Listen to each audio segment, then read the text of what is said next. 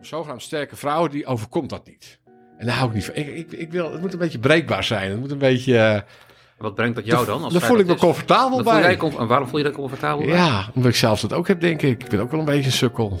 Oh, oké. Dokter? Dit is de podcast Hoe doe jij dat nou? Waarin ik, Nathan Vos, met een man praat over zijn relaties. En vandaag hebben we te gast Thomas. Ik heb me overgeslagen gevoeld. En het lijkt wel alsof ik tot op de dag van vandaag bezig ben met in te halen. Dit is de podcast Hoe doe jij dat nou? Thomas, wat wil jij in het hier en nu over jezelf vertellen? Wat wil ik in het huren nu over mezelf vertellen? Ja, nou, ik ben eh, sinds eh, vier jaar vrijgezel. Ik ben gescheiden. Ik heb twee kinderen. En ehm, Hoe oud? eh, eh, ik heb een dochter van 11 Mhm. en een zoon van 17. Ja. Max en Mickey.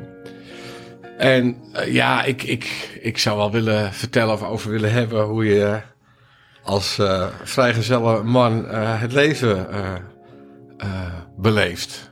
Want dat is al, vind ik, een worsteling. En dat wil ik dan ook wel horen. En, en, ja, dat lijkt me dan ook wel interessant. Hè? Ik die al eh, 18 jaar met een, in een relatie zit, klinkt zo onaardig. Die, Jij zit acht jaar in de ik heb 18 jaar Ja. relatie met Martine, die jij ook kent. Ja. En eh, ik ben ook wel echt wel benieuwd. Ik hoor natuurlijk wel eens wat. Dus eh, leuk. Leuke insteek. Ja, Misschien ja. niet leuk voor jou, maar... Ja, nou ja, weet je, op zich, eh, ik bedoel, ik ben niet ongelukkig of zo, maar ik heb dus ook 18 jaar een relatie gehad. Ja. En dan leef je in een gezin en dan gaat het allemaal zoals het gaat. En dan heb je buren die gezellig op visite komen. ja. Eh, eh, je hoeft niet zo heel veel te bedenken, want het gaat een beetje vanzelf. Eh, je bent met de kinderen bezig, s'avonds kijk je een gezellig filmpje, je eet met elkaar. Het leven leeft zichzelf zo'n beetje. Ja. Ja. zit erin. Ja, en dat vind ik het hele grote verschil met nu. Ik Vertel. Word, ik word zo moe van mezelf. ik moet het allemaal zelf doen. Je Dus, wordt zo moe van jezelf. Ja, ik wil mezelf wel eens kwijt. En dat, eh, ja, dat ga ik je proberen uit te leggen. Ja? Eh, ik vind dat je in een relatie en in een gezinssituatie jezelf eh, makkelijk kwijtraakt. In, in de zin van niet kwijtraken van, ook raak de weg kwijt. Maar ik hoef even niet met mezelf bezig te zijn. Ja. Het gaat vanzelf. Dus ik ben met de kinderen bezig. Ik ben met mijn vrouw bezig. Mijn vrouw bedenkt, eh, we gaan die film kijken. Of ze zegt... Ja, je zit een soort van flow, een lekkere flow, Ja. een veilige flow eigenlijk. Ja, d- d- dan is de regie zeg maar niet zo heel erg bij jou. En ik vind Ja. eh, in mijn leven, zoals ik nu leef, eh, ik moet eigenlijk op een gegeven moment bepalen hoe laat ik naar bed ga, eh, hoe laat ik eruit ga. Ik ben ook nog freelancer, dus ik Eh, heb wacht even, hoe oud ben je ook alweer? 54. 54. En je bent 54, je moet zelf bepalen hoe laat je naar bed gaat. ja, ja Oh, maar, jee. eh, maar je kan om 10 uur naar bed gaan, om 9 uur, om 8 uur, om 5 Ja. uur. Dat, dat is niemand, geen haan die er naar kraait. Dus dat moet, uit mij, dat moet uit mij komen. Dus ik moet dus niemand die zegt, liefje, kom je naar bed? Of eh, zou je niet naar bed gaan? Ja. Of hey, je moet morgen vroeg weer op. Ja, en, nou ja, ik weet je, ik ben dus freelancer, ben freelance journalist. Mhm. Dus ik ben in alle opzichten vreselijk vrij. Vreselijk vrij. Ja, want eh, nou ja, ik moet denken aan Henk de Velde, die eh, zeezeiler, die af en toe Ja. maandenlang op de oceaan zat. En die zei, voor vrijheid moet je alles opgeven en dat moet je er wel voor over hebben. Ja. Vrijheid is ook een weelde die je niet altijd kunt dragen. Nee, nee, nee. Je hebt kaders nee. nodig. En die kaders, Ja. die, die moet ik zelf aanleggen elke dag. Dus als ik nou een opdracht heb voor een verhaal... eh, en ik heb niet een hele strakke deadline... dan krijg ik alweer een soort van keuzestress. Want ik kan ook gaan hardlopen eerst of gaan fietsen. Dat ben ik nogal van. Nou, dat, is, dat, dat kan slechter. Ja, Maar maar, goed, maar ja. altijd maar, altijd maar eh, moet ik met mezelf in gesprek... of moet ik mezelf eh, dwingen, eh, motiveren om dingen te doen, zeg maar. Dat wordt niet voor mij gedaan. Ik heb A, geen baas die mij om negen uur verwacht. En ik heb geen vrouw die mij om acht uur bij het ontbijt verwacht. Dus die vrijheid, die bijna dolende maakt, zeg maar... Ja. Daar moet ik elke dag mee dealen. En Je wilt die vrijheid waar zoveel mensen van dromen. En eh, misschien ook wat, wat zo mannelijk is. Hè? Vrij zijn, Ja. je eigen ding doen. en Wat je ook altijd wordt aangepraat. Ja. Maak je eigen keuzes, noem maar op. En dat is iets waar, je, waar je echt nou wel een beetje last van hebt. Waar ik moe van word. Ja. Ik word er moe van dat ik... eh. Ik kan een uur langer in mijn bed blijven liggen of niet. Ik kan een uur eerder naar bed gaan of niet. Dat kan ik allemaal... En discipline is niet jouw sterkste kant, zeg maar. Ja, ik weet niet... eh, Nou ja, nou ja, eh, kijk, als het erop aankomt, dan sta ik er. Ja. Dus als ik een strakke deadline heb... of ik heb een afspraak met jou zo nu... Ik was wel tien minuten te Ah, laat. ja, ah, ja. Maar eh, dan sta ik er. Dus ik, ik faal daarin niet. Ik ga niet naar de kloten, zo gezegd. Weet je dat ik het trouwens herken? Vertel. Nou, ik denk wel eens, en dat zeg ik ook wel tegen Martine, en ook wel tegen de kinderen trouwens, jeetje, weet je wel, zonder jullie zou ik inderdaad in mijn nest blijven liggen. Ja, ik ben dan wel geen freelancer, dus ik heb nu, zeker nu ik in het onderwijs zit, geluk dat ik dwingende roosters heb. Ja, Maar ik ben ook heel lang bij een soort van de baas geweest en niemand die me vertelde wat ik moest doen. nee. Ja, één keer per jaar moest ik de begroting eh, afgeven. En ik denk, eh, ja, jeetje, zou ik, zou ik inderdaad mezelf in mijn nest trekken en, en, en? Ik weet het, ik, ik, ik, ik, ben, ik ben er bang voor. Ik ben, eh, dus daarom heb ik destijds ook, je hebt me toen een boek geschreven over hoe jij echt helemaal naar de kloten ging. Ja, Zonder reden eigenlijk. ja, En hoe je daar weer uitkwam. En ik dacht, ja, dat, dat had ik toen wel een beetje herkenning op. Dat zou mij kunnen gebeuren. ja. En, eh, dus ik ben in zekere zin, ben ik, word ik ook door hun gered. Ja. Ja, En ik, weet je, ik vraag me ook af of het discipline is. Ehm, maar een woord hè. ja, eh, eh, want ik heb volgens mij wel... Ik, ik heb niet echt de, de behoefte om lang op mijn nest te blijven liggen. Nee. Eh daar word ik zelfs een beetje depressief van als ik dat doe. Eh, dus ik, ik wilde, wilde wel echt Dat is uit. niet een echt probleem. Dus. Nee, dat is, nee, ik ben niet een, iemand die tot eh, 11 uur op zijn nest blijft liggen. Nee, ik ben overigens ook een hele slechte slaper. Dat is trouwens ook sinds mijn scheiding. Eh, dus als ik om half acht wakker word, Ja. dan, dan wil ik er ook gewoon uit. Alleen als ik eruit ga, dan kan ik of fietsen of werken. En dan heb ik nog tien opties. En dat, dat vind ik Al dus die lastig. keuzes, ja. ja, Dus ja. Jij, eh, jij bent heel blij met strakke deadlines, strakke opdrachten. Ja, ik merk als ik ingekaderd word door omstandigheden of door mensen, dat ik daar, eh, dat ik daar eh, bij, eh, daar gedij ik bij. Ja, ik heb ooit eens ge- geleerd van een reclamebureau. Tenminste, dat was een leus die zij riep. Dus meer dat ik hem zag ergens. Oh, dat is een goeie. En die hadden als eh, motto... Give us the freedom of a tight breathing. Ja, Weet je wel, en voor creatieve geesten is het heel fijn om hele strakke kaders te hebben. ja, ja. En daarbinnen, nou dan weet je gewoon precies waar de grenzen zijn en dan knal je. En als jij weet het moet om 11 uur af zijn, dan ga je knallen tot 11 uur. Ik ga weer terug, want het gaat over relaties hebben. We gaan dan weer terug, eh, terugkaderen naar eh, jouw jou, jou, eh, bestaan als, eh, als single man. Die, Ja. eh, die wat ritme mist, of eh, toch? Als ik het zo mag invullen. Ja, ik heb wel ritme, maar ik marchandeerde nog eens mee. Je marchandeert ermee. En daar word ik wel eens moe van. Ja. Ja. En het is ook gewoon natuurlijk leuker om een, eh, om een partner te hebben. Tenminste, kan ik me zo voorstellen. Om, eh, Ja, ik ben ook wel een deler. Ben, ben jij, ben jij een deler? Ben ik een deler? Eh, Ik, ik zou er een heel spitsvondig antwoord op willen geven, maar dat heb ik zo niet paraat. Laat ik het heel simpel. Ik ga je even Ja? onderbreken. Doe het. Ehm, heb jij de behoefte om, om aan Martine te vertellen wat voor leuk of waardeloos gesprek je met Thomas had? Ehm, het is niet van nature eh, dat ik, eh, eh, dat ik eh, daarmee naar huis kom. Dus dat ik het meteen ga vertellen. Maar eh, ik doe het uiteindelijk wel. Eh, ja, ik- maar dat, is eigenlijk, dat heb ik mezelf een beetje moeten aanleren. Hè, want zij, en misschien omdat ze een vrouw is of niet omdat ze Martine is, eh, deelt heel veel. Eigenlijk de hele, wordt de hele dag zo besproken aan het eind Ja. eh, vaak. Ja. En tussendoor ook nog wel. Ehm, eh, en ik heb dat niet zo. Ik denk, ja, boeien. Weet je, een, nummer wat je helemaal te gek vindt, een film wat je fantastisch vindt, een boek wat je fantastisch vindt. Is dat iets wat je ook bij haar wilt delen? Van, nou- die, film moeten we kijken, die heb ik een keer gezien. Ja, dus- dat wel. Muziek niet. Dat is niet zo heel. Dat is niet helemaal haar interesse. Maar eh, boek zeker. Eh, want ja, eh, god, van boeken word je gewoon een beter mens. Dus dat delen we, of deel ik naar haar en zij ook wel naar mij. Dit moet je lezen. En films ook. En films is dan meer van, ha, gezellig, dat kunnen we dan samen doen. Ja. Ja. Dus, dat is, dus ik ben wel in die zin van het heel delen dat ik heel graag dingen met haar doe. Ja, Dus ja, dan ben ik een deler. ja. Ja, ik heb heel erg, ik heb, ik heb volgens mij heel veel passie in me. Mhm. En, en wat ik heel gaaf vind, dat wil ik dan ook met iemand echt delen. Ik heb dan heel Ja. erg de behoefte van, eh, dit moet je even horen of dat, tot vervelend toe soms. Oh, zo. Ja. Oh, Ja, dat- dat ik het heel Nee, jammer- die, nee, die, dat, die neigingen had ik wel, maar dat heb ik een beetje afgeleerd. Want ik was iemand die altijd met zijn vrienden, je moet dit, je moet dat. Ja. En ik krijg er nooit respons op. Nee, ik kan heel irritant zijn. Ja, Ja. dus op een gegeven moment dacht ik, nou ja, misschien, en ook op, op socials deed ik dat nog wel eens, weet je wel. En dan dacht ik, ja, nou ja, dat interesseert echt helemaal niemand. Ja, dat heb ik ook, ja. Want Ja. ik heb ook periodes op social media dat ik het heel belangrijk vind Ja. Om eh, te delen hoe leuke dochter ik heb.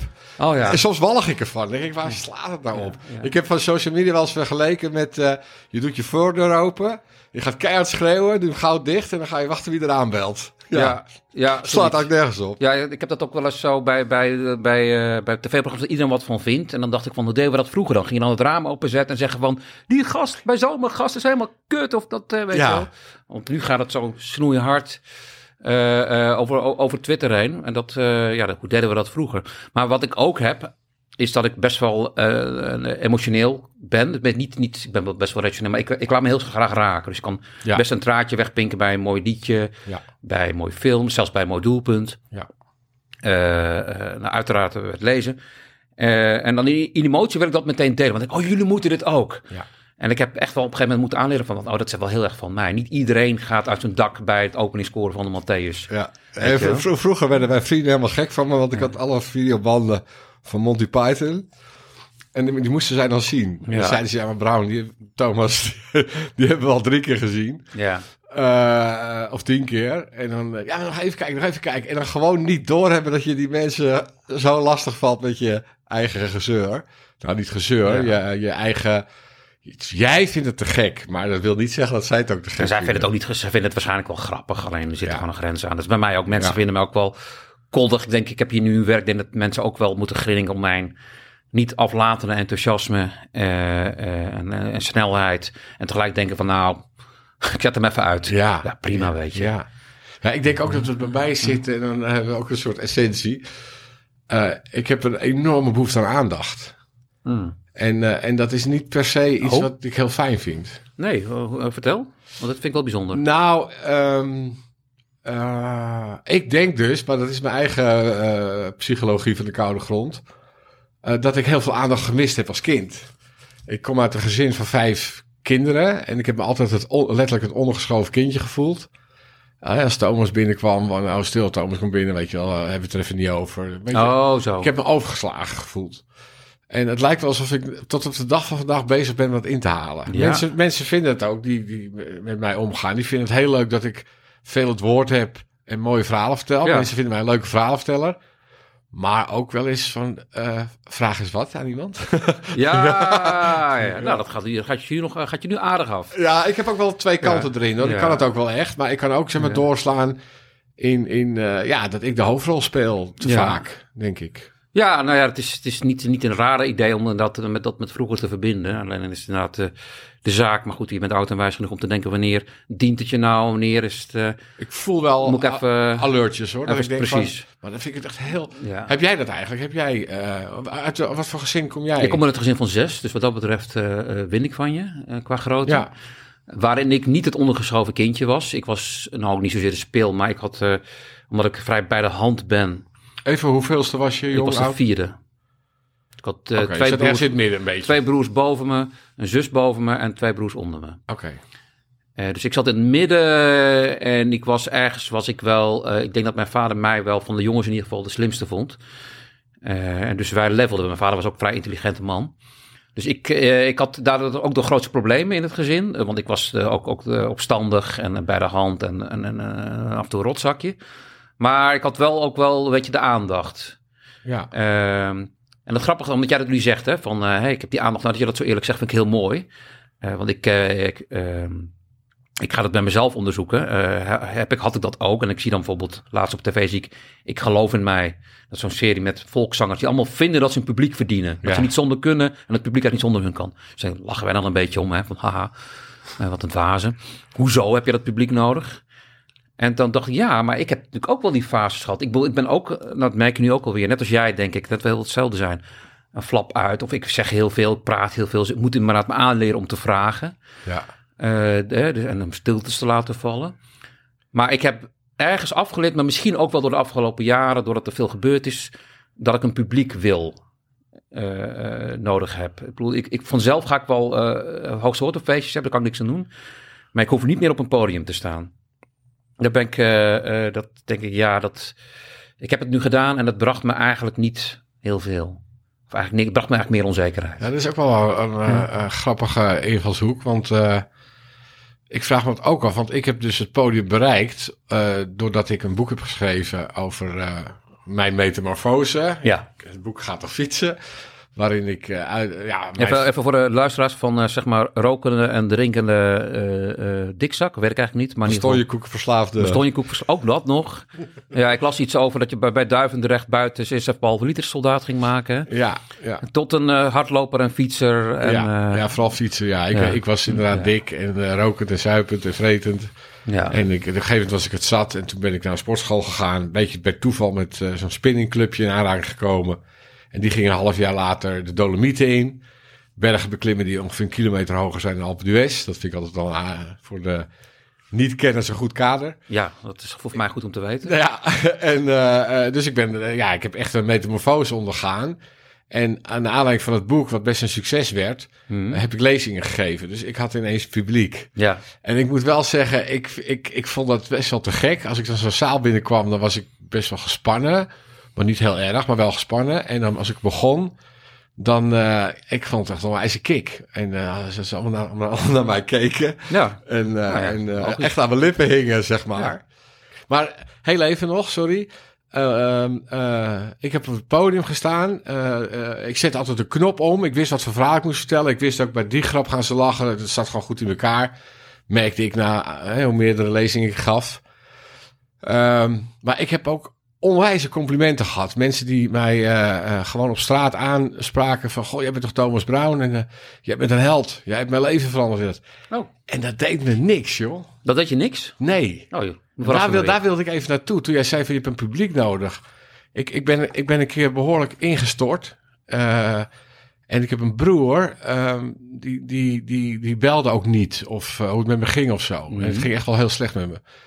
Hoe lang geleden is dit? Uh, tweeënhalf jaar, drie jaar geleden. Denk dus, dus, na, na, dus Eigenlijk na, na, je scheiding. Ja, ja, ik denk ook dat het. Daar moeten we het zo nog wel over hebben. Hè? Wat zeg je? We gaan nog wel zo over je ja, dat is goed, dat is goed. Ja, ja. Maar um, uh, toen kreeg ik een kaartje van hem. Uh, dat hij uh, het heel rot allemaal van me vond, maar dat hij me niet belde. Want hij zegt, ik ben, ik ben er bang voor wat jij hebt, weet je wel. Hij voelde zichzelf mentaal ook oh. niet oké. Okay. En hij was gewoon bang van, jeetje, uh, nou ja, wat jij volgens mij in het voorgesprekje even zei van, als het mijn broer kan overkomen, dan kan het mij ook overkomen. Hij was bang dat het besmettelijk was. Ja, en dat vond ik zo, ik krijg er nu kippenvel van. Ik vond dat zo mooi. En hij schreef mhm. eronder van, ik hou van je. Oh, dat is fijn. Hij was gewoon eerlijk. Hij zegt, Tom, ik bel je niet. Ik hoop dat je opknapt. Maar vergeef het me, als ik je bel en ik praat met je, krijg ik zelf de wabbers. Nou, dat, ik vond, dat krijg ik echt hartstikke kippenvel ja, van. Ja. Dat doet me veel meer dan die honderd mensen die mij een held vinden omdat ik uh, mijn leven heb aangepakt, zeg maar. Gek, ja. is, dat, gek is dat, hè? Ja, met mij associeert, en ik, uh, ik hoop dat het mag van de luisteraar, ik associeer dan weer even door naar mezelf. Is dat ik, uh, ik heb een boek geschreven, Man om Man, en dat is eigenlijk, dat gaat dus over suïcide en mannen en hoe, hoe, hoe, hoe ze daartoe komen. Mannen zoals ik en jij. En ik denk dus dat heel veel mannen het uh, niet opgepakt hebben. Want ik heb van heel veel vrouwen gehoord, ik heb het op zijn nachtkastje gelegd. En heel veel mannen hebben gezegd, of als ik dat dan hoor, van ja, ik heb het er onderop gelegd. Van ja, nee, ik, dit, dit komt er dichtbij. Dit, ja, dit, dit, vind ik te spannend. Dit, uh, dit ga ik niet lezen. En wat ik heel goed begrijp overigens. Hè? Dus vandaar ook deze podcast, waar we lekker gaan ouwe over relaties en dergelijke. Ja. Het is nogal wat, om, uh, ook voor vrouwen natuurlijk, maar om je te, te verbinden met iemand die, die, die in de shit zit. Ja. En ik denk niet dat het besmettelijk is, maar je weet ook, het is ook vaak een onmacht. Wat moet je nou zeggen? Ook met iemand die kanker heeft bijvoorbeeld. Ja. Wat moet je nou doen? Ja. Je bent zo bang dat je het fout doet. En, uh, ja. ja, ik heb wel eens gezegd van, er zijn twee aandoeningen waarbij je eigenlijk dubbel gestraft wordt. Dat is depressie en dat is kanker. Ja. Omdat je zit zelf in de shit. Maar je verliest allerlei mensen om je heen. Want uh, net wat jij zegt, mensen die kanker hebben, je weet het niet. Ik heb nu toevallig een goede vriend. En dan vind ik het ook soms moeilijk van, ja, ik ging heel relaxed met hem om. En nu ga ik nadenken. Kan hij die grap wel hebben of dat soort dingen? En bij depressie uh, eigenlijk hetzelfde. Mensen, en mensen vinden het ook niet fijn. Hè? Dat is ook. Uh, Wie vindt het niet fijn? Nou, ik had het toevallig. nou, ik heb een vriendin, laat ik het zo maar noemen, een soort van vriendin. Die heeft ook shit. Haar broer is overleden uh, bij een hardloopwedstrijd. Hmm. En, uh, en dan hoor ik dat die, haar vriendenkring zich een beetje van haar verwijdert. Want ja, ja. die uitjes, dat zijn gillende meiden, zeg ik maar eventjes zo, die op festivals uh, alleen maar jolijt hebben. Die hebben nu eens met iemand te maken die een moeizaam verhaal heeft. En, en dat trekken mensen op een gegeven moment niet meer. Ook zo'n vriendenkring niet. Zo, uh, ik, ik heb een soort van relatie gehad met uh, Chantal. Uh, die heeft hetzelfde verhaal, depressief. grote vriendenkring.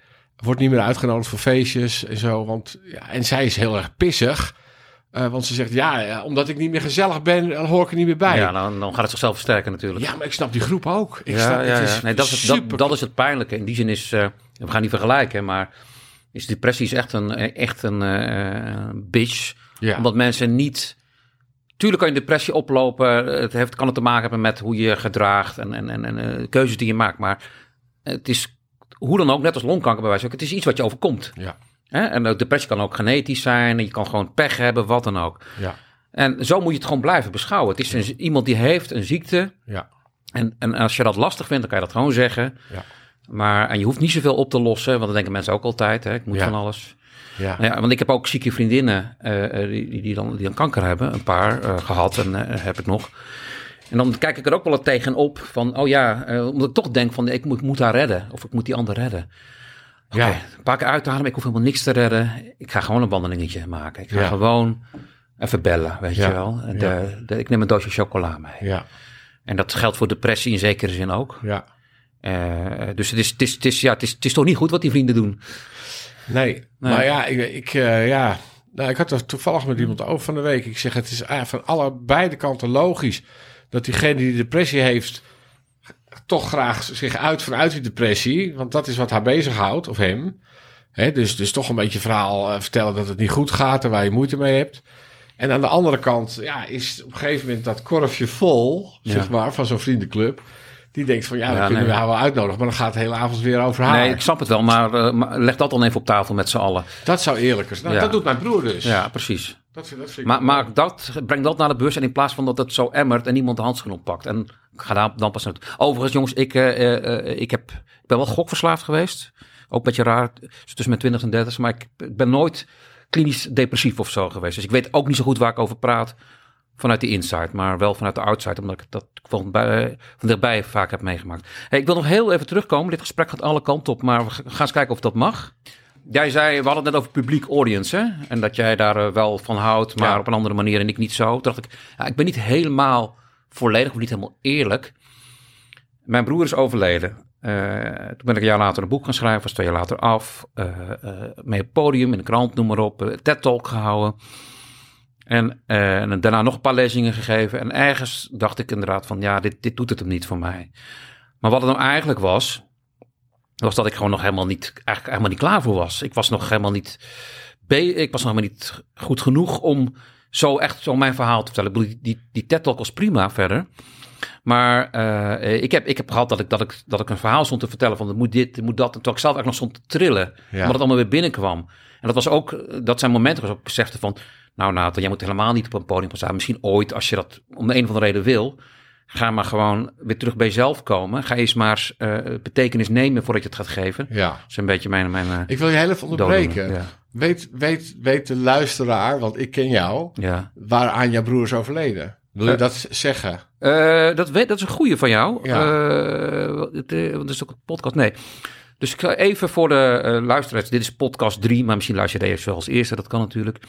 Mijn broer David is in 2015 overleden aan, aan zelfdoding. Mei 2015. Ja. En hij was eh, eh, eh, een man met, leek gelukkig, met drie zoontjes.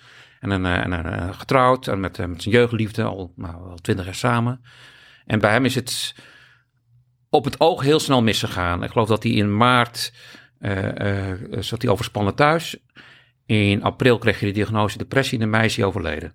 Dus dat, hij is ons ontglipt, in zekere zin. Mag ik vragen in welke lijn eh, de jongste, de oudste? Hij was, een, hij was na mij. Hij was vier jaar jonger. Dus hij is de één na jongste. Eén na jongste, ja. Oké, ga verder. Ja, nee, vraag, vraag vooral. Ja. Eh, en dat, ja, dat is natuurlijk, dat, dat, dat, daar had, daar had niemand er rekening mee gehouden. En achteraf gezien hadden we, waren de signalen waren er wel. Dus hè, in klinische zin hadden we het misschien wel kunnen voorkomen. Nou, nooit 100 Eh, maar goed, eh, dus dat is gebeurd. Nou, eh, natuurlijk een heel, heel een explosie, een heel gezin in puin. Hè? Dus het is zijn gezin, maar ook, ook zijn gezin van herkomst. Dus wij ook allemaal. Ja. En, eh, en zo'n jaartje later, toen dacht ik van, wacht, wacht even. eh, hij is niet zo anders als ik. Ik ben ook wel eigenlijk een brave, gelukkige huisvader in een prima relatie en een baan. Dus hoe kan dat nou? Ja, en toen ben ik gaan onderzoeken. En Nou ja, dat heeft dan geleid tot, eh, in ieder geval tot de, tot de constatering. eh, en dat was op, op zich maar niet mijn verdienste dat mannen twee keer zo vaak zelfdoding plegen als vrouwen. Dat zijn gewoon statistieken. Maar wel mijn verbazing dat dat nooit de krant heeft gehaald. Ja. Dat het een soort van fact of life is. En dan kom ik ook een beetje bij jou terug. Van ja, mannen, weet je, mannen plegen niet zomaar zelfmoord. En het zijn er gelukkig niet zo heel veel, eh, als je het eh, absoluut en absoluut. Maar wel van, ja, dat mannen nou klooien en niet met de gevoelens om, om kunnen gaan. Ja. En slechte keuzes maken. Of het nou drank en sigaretten en, en hard rijden en weet ik veel wat. Of elkaar doodschieten is. Ja, dat is een beetje een fact of life. Ja.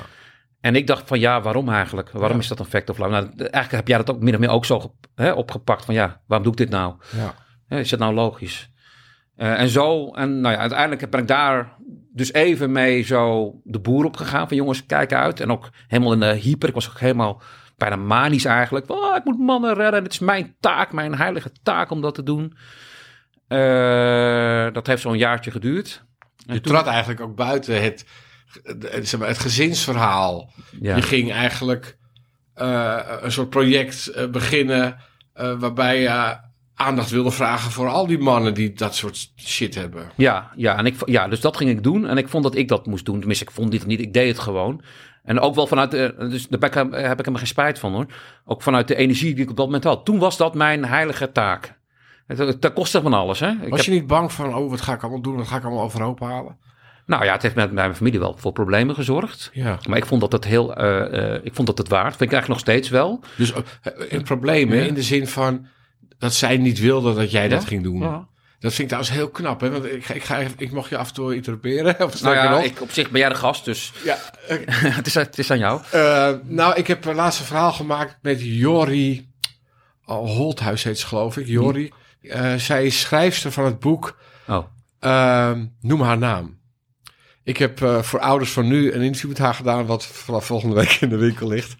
Ehm, wat ik heel knap van haar vond, zij is dus de, zij is een tweeling en haar eh, tweelingzus is bij de geboorte overleden. En ik denk als leek, jammer, foutje van de natuur, weg, want het is nog niet eens geboren. Maar dat is dus eh, heel traumatisch en heftig en heel veel taboe. En haar ouders, die wilden er nooit over praten. Dat zusje van haar is ook zonder dat die moeder gezien heb in een kistje en eh, buiten de gewijde grond begraven. Want ze komt niet in de hemel, want ze is niet gedoopt. Allemaal dat soort... jeetje. Ja, dat is echt sinds Ja. twintig jaar veranderd. Hè? ja. Praat niet over 1840, ik praat gewoon over bijna het jaar 2000. Dat dat speelde. En eh, in die taboesfeer he- heeft zij bedacht van... Ik, ik, ik wil zoeken naar haar. Ik wil kijken of er iets van haar te vinden is. Ik wil... Want het, is, het, het zit in me dat ik haar mis. Of dat, Ja? er- dat was een enorm issue voor haar. Maar haar broers, die wilden niet dat ze dat ging doen. Wat ga je overhoop halen? Dat is geweest. Dat herken ik ook heel erg Ja, in mijn eigen familie. gedaan. En het zou mij tegenhouden. Dat is zeg maar mijn gebrek aan zelfvertrouwen. Eh, als mijn broers zouden zeggen van... eh, Tom, eh, dat willen we echt niet hoor. Ja, dan zou ik vanuit mijn nederige kleine kind zijn... zeggen van, Ja. ik ga daar niet mee door. Dus ik had ook tegen haar gezegd... ik vind het onwijs moedig van je. Uiteindelijk hebben die broers gezegd... het is toch goed dat je het gedaan hebt. Ze heeft nu een naam. En we weten nu hoe het allemaal zit. Dus ik vind het van jou onwijs moedig... dat jij, dat jij toch... Ja, Maar je ja. was, je was Sommige, natuurlijk... sommige familieleden zouden dat woord niet gebruiken. Nee. Maar eh, ik was echt van overtuigd, en eh, ik denk ook dat het wel gelukt is, dat ik door het verhaal goed te vertellen, eh, eh, eh, mannen en vrouwen uiteraard kan helpen om het, gewoon, om, om het gewoon niet te doen. En, uiteindelijk is het ook wel gebleken. Ik heb zo ontzettend veel brieven en, en, en, en- en- en- nou, van alles mailtjes gehad. Van, eh, nou, eh, soms mannen hè, eh, die zeiden van, nou, net op tijd. Dat is wel het meest extreme. Tot heel veel van, wauw, dat is mijn verhaal. Enorm veel van vrouwen. En helaas ook heel veel van, van nabestaanden. Die zeggen van, nou ja, nu, nu begrijp ik wat er gebeurd is. Ja. Maar waar het mij vooral om ging, is dat het, los van het boek, dat maakt niet zoveel uit, dat het die impact, dat, dat het op de, op de agenda kwam, dat heb jij dus ook gedaan feitelijk, van jongens, als een man zegt het gaat goed met me, dat is niet per se zo. Nee, nee, Hè? nee. En dat kan anders. Maar eh, eh, wa- waar ik dan op terug wilde komen, is dus dat ik eh, merkte van, oh wacht, ik zit zelf eigenlijk, ik heb het nog helemaal niet eh, allemaal een plekje kunnen geven. Ik heb het nog helemaal niet zo goed doorgrond. En ik moet nou niet hoog van de toren gaan blazen.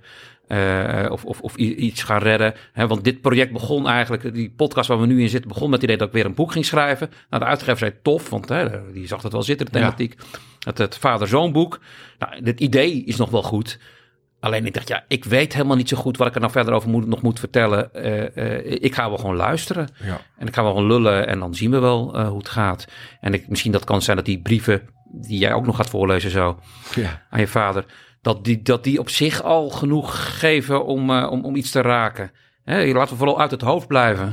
Ja, want wat ik wel een beetje herken uit mijn boek, want mijn boek is dus inderdaad, eh, nou ja, je kan het een midlife boek noemen. Het is heel erg hoe ik mijn leven aan het verkloten was, hoe ik mijn relatie aan het verkloten was, met, met mijn lijf, mijn geest, alles.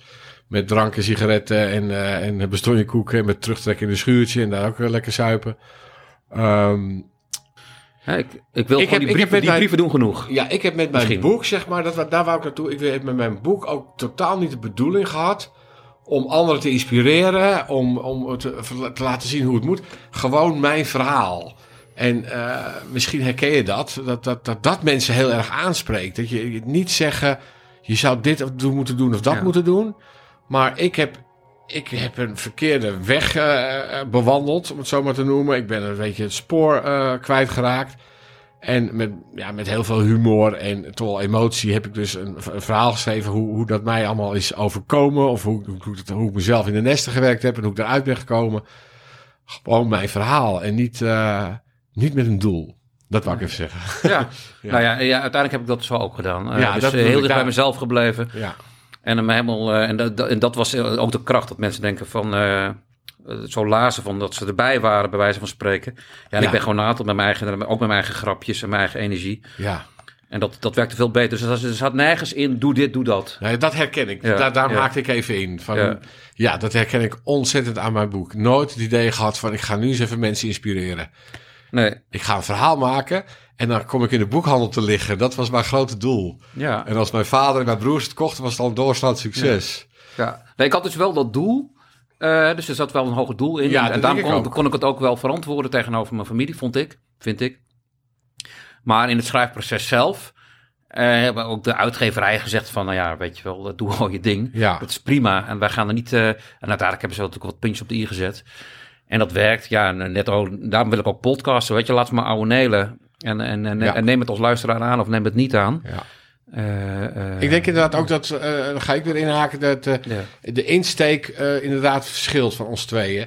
Dat jou, jij, jij wel, had wel echt een doel. Jij wilde iets aankaarten. Ja. Wat, wat in de taboes weer zit, zeg maar. Ja. En ik had gewoon een verhaal. Ik had een verhaal van inderdaad een suiplap die ging sporten. Ja. Met alle hilariteit en ellende eromheen. Eh, maar het had net zo goed kunnen zijn dat ik eh, in een grot in de Ardennen verdwaald ben geraakt. Dacht ik, oh, is ook een verhaal. Ja. En dan paradoxaal genoeg ben jij, kan jij er volgens mee de boer op als een soort van motivational Ja, eh, speaker. ja. Terwijl ik dus eigenlijk denk van ja, ik heb het nu al met dat boek al gedaan en dit documentaire. Ik had nog een film gemaakt met Frans Promet. En nou, en dit is het eigenlijk toch wel. Ja. Weet je wel? En nu, nu, nu gaan we terug, terug naar het thema.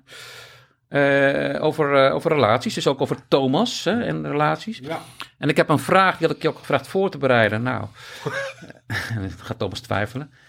Ehm, welke anekdote zegt het meest over jou als het over relaties gaat?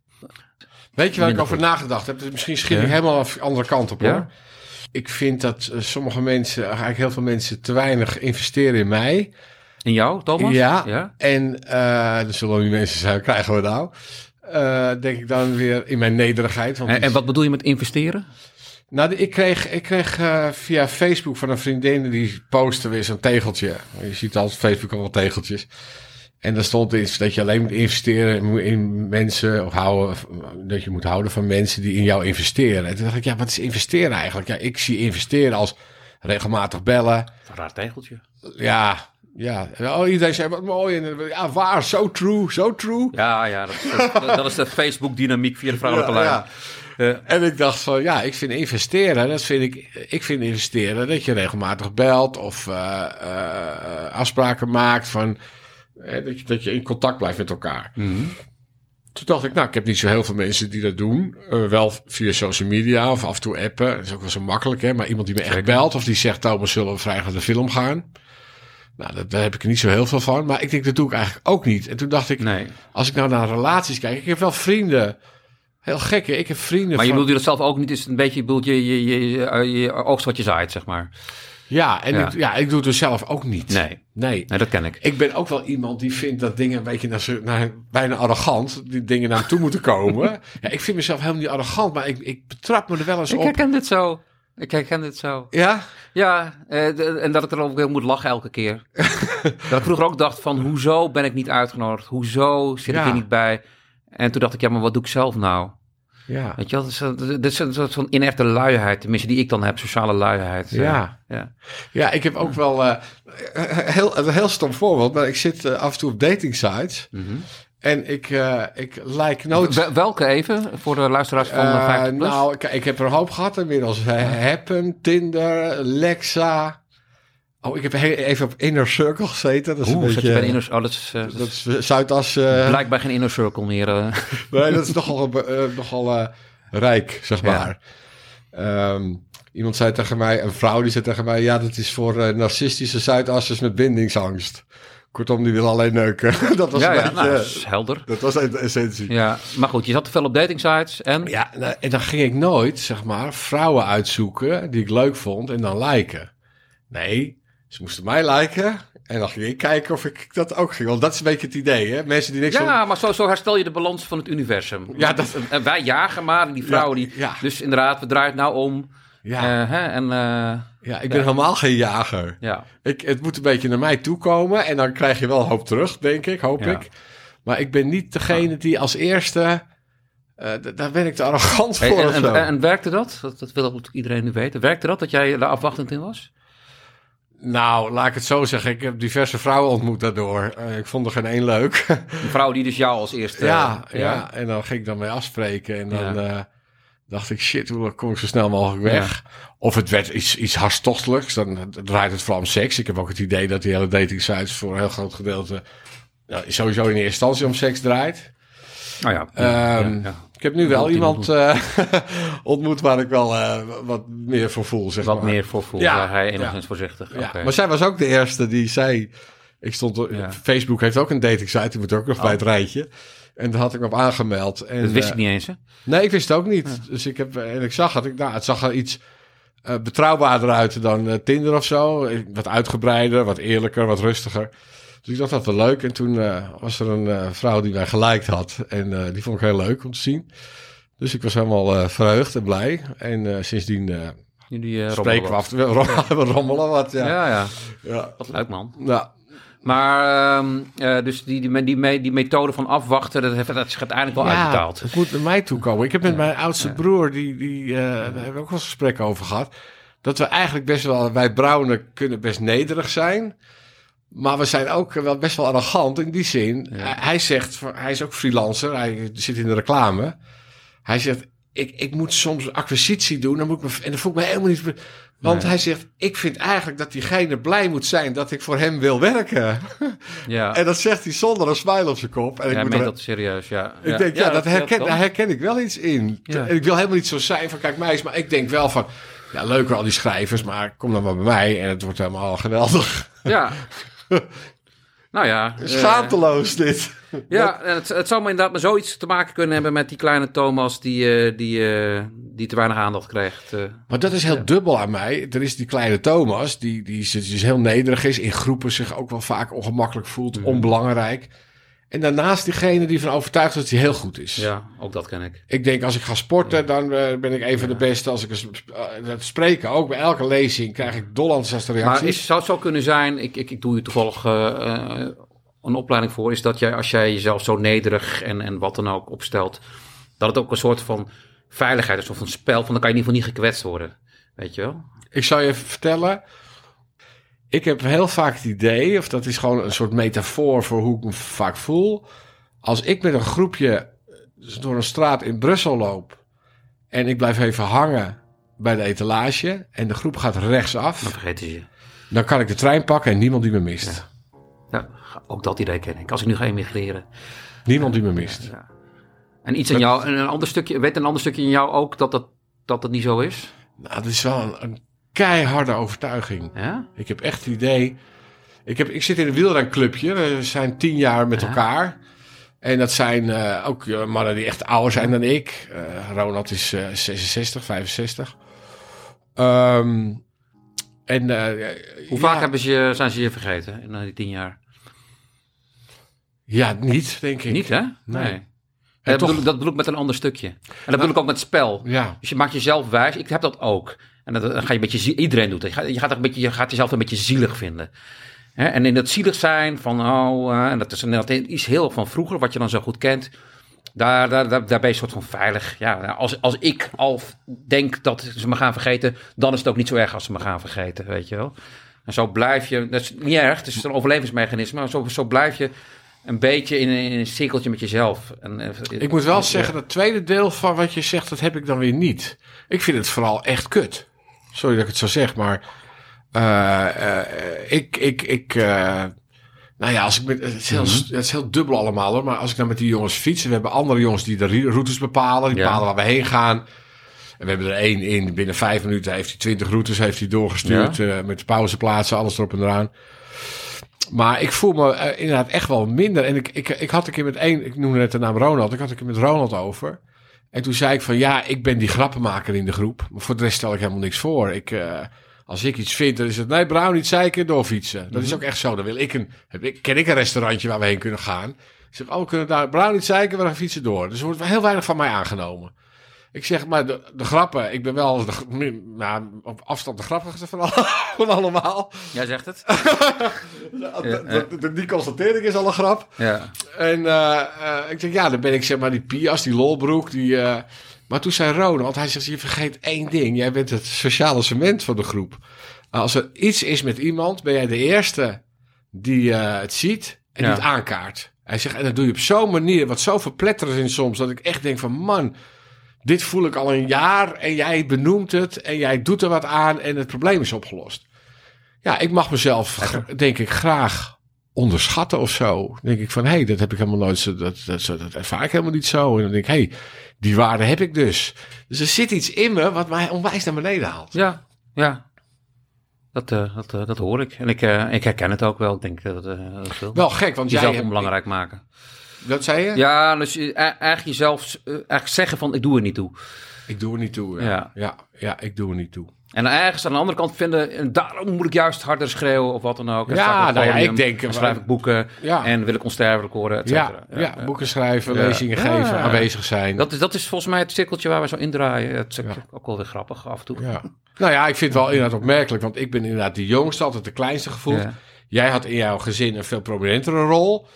En toch hebben we hetzelfde. Ja. Ja, ik denk, ehm, nou ja, dat, dat, dat allemaal krijg je zo van die dingen mee van vroeger. eh, oude boodschappen, eh, dingen die niet wachten, die je wel mag, die vaak hebben er nooit expliciet gezegd zijn.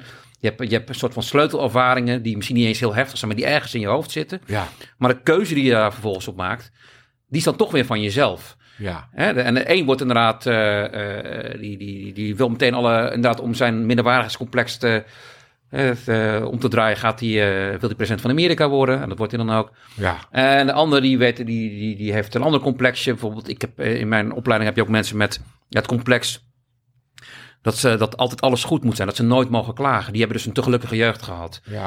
ja. Weet je en die lopen Ja. er nu tegenaan. Is dat ze helemaal niet kunnen omgaan met tegenstand. Want er werd altijd weggelachen. Ja. Maar ook daar kan je weer anders mee omgaan. En er is zoveel. Dus ik ver- verbaas mij niet dat wij uit een ander nestje komen. Net. ja. En dat we toch een beetje hetzelfde zijn. Ja. Ehm, maar ik heb wel gedacht, ik heb wel geschreven. Dus het kan zijn dat over 4 miljoen jaar ergens iets wordt opgegraven. En er staat een lettertje door Thomas Brown. Dus eh, dat kan over. Ja, Ja, maar dat is toch heel mooi. dat vind ik eigenlijk ook Ja, wel mooi. en, Ja. en dat had ik natuurlijk ook wel een beetje. Ja. Ik wil toch, eh, en jij, en ik zijn dan van de woorden blijkbaar, van het schrijven. Ja. Dus wij, wij, wij doen dat zo. Ja. En eh, ik was een keer bij een lezing van Petries de Graaf, dat is die hoogleraar terrorismebestrijding uit Utrecht. Ja, ja, ja. En die ging vertellen over de motivatie van zelfmoordterroristen. En die zei, eh, ja, van welke cultuur je dan ook komt, maar ze willen allemaal onsterfelijkheid bereiken. Het zijn mannen die ergens eh, voelen van, eh, ik, moet, ik moet dit allemaal overstijgen, Ja. anders doe ik er niet toe. Ja. En dat zijn de mannen die bijvoorbeeld vaak geen kinderen hebben nog, of wat dan ook, niks met een andere energie kunnen. Want wij kunnen dat dus op een andere manier, een stukje tikken, kinderen maken, eh, hard fietsen. Ja. Maar als je dat allemaal niet kan en je wilt toch onsterfelijk worden, ja, dan, dan is dat dus blijkbaar een optie. Ja. En dat, dat zetten wij ook weer op een plek. Ik denk van ja. Nou ja. Maar ehm, laten we het even hebben over. Je hebt 18 jaar relatie gehad met de moeder van je kinderen. Ja. Eh, hoe, is dat, hoe is dat geëindigd? In een scheiding. Eh, ja, ik lach erom, maar dat is eigenlijk helemaal niet leuk. En sterker nog, is helemaal niet leuk. Eh, het rare was van, ik was natuurlijk echt verkeerd bezig in mijn leven met dat drinken, roken en in mijn schuurtje zitten. hè. Je moet je voorstellen dat je mijn vrouw bent en dat je voor me kookt en voor onze zoon. En ik kom gewoon niet. Dus ik zit in mijn schuur te zuipen. Bizar eigenlijk. Ja, ik denk er wel vaak over na, want het is in mijn lezing echt een hilarisch ding waar mensen heel erg om moeten lachen. Ik doe het ook een beetje grappig, maar Ja. het is natuurlijk een inkt, inkt zwarte vlek in mijn Nou. leven. Ehm, ik, ehm, ik zie het als een vlucht. Ik vlucht voor. eh, ik, ik, ik, nou wordt het wel een beetje ingewikkeld hoor, maar ik, ik vind het. Ik wil heel graag delen, maar ik kan aan de andere kant weer heel moeilijk delen. Dus als ik in als ik met mijn gezin ook. Dan, dan keken mijn vrouw en twee kinderen een film en dan wilde ik daar niet bij zitten. Eh, eh, Ik- eh, je- waarom wil je daar niet bij zitten? Ja, dat vind ik zo moeilijk uit te leggen. Dan, dan, dan, dan moet, Voor- ik me voor- op- Ja. moet ik me opdelen in dat groepje. Misschien wel dat ik dan te weinig, ook weer te weinig aandacht heb. Dan dat ik dan opdeel in dat groepje en dan... Maar je wilde niet onderdeel zijn van het gezellige, die symbiose van het vier. Nee, ik, ik kon dat wel met eten. Als we met z'n vieren zaten te Ja. eten, dan kon ik het wel. Maar dan zaten zij met z'n drie op de bank. En dan dacht ik altijd, ja, moet ik daar ook... Voelde ik me een soort vierde wiel aan de wagen. Vijfde, maar, dan, Ja, nu ga ik even lekker psychologiseren. Ja. Mag hier. Maar was je toen eigenlijk een soort van bevestiging aan het zoeken van zie je wel, ik hoor er niet bij? Wat je van vroeger ook had als Nou, kind? ik vind dat wel iets om over na te denken. Want eh, eh, jij zei dat net ook al. Van, van, is het niet een soort overlevingsstrategie? Ik weet het gewoon niet. Ik weet, ik weet, ik, in sommige gezelschappen voel ik me gewoon... Dan wil ik apart, alleen, weg. En als kind zat ik ook heel vaak op mijn kamertje. Ja. Later zat ik in mijn schuurtje. Er is bij mij een behoefte om te, te vluchten. ja, naar een veilige plek. Nou ja, en die veilige plek is me, myself en I. Ja, Ja. En, ja en dat, dat is eigenlijk heel logisch. Maar het in, inderdaad, in, de- in de dagelijkse praktijk, hè, in het leven moet ook zeg maar, geleid worden, is dat natuurlijk wel pijnlijk. Hey, maar terug naar, eh, naar, eh, naar die relatie. Ja. Eh, was dat dan uiteindelijk de onderliggende oorzaak dat jij... Ik ben nog steeds wel bezig met achterhalen waar het door kwam. Ja. Er zijn wel echt wel aanwijsbare dingen. Ik heb het echt zeker met die lezingen ook. Ik heb wel. ik had toen een heel flamboyant leven. En mijn ex die was erg huiselijk, zeg maar. Eh, we groeiden denk ik uit elkaar daarin. Eh, zij wilde op een gegeven moment allemaal dingen niet meer met mij. Ik, het, we hadden ook wel een relatie waarin ik graag weekendjes weg wilde. Of uit eten, eh, noem het maar op.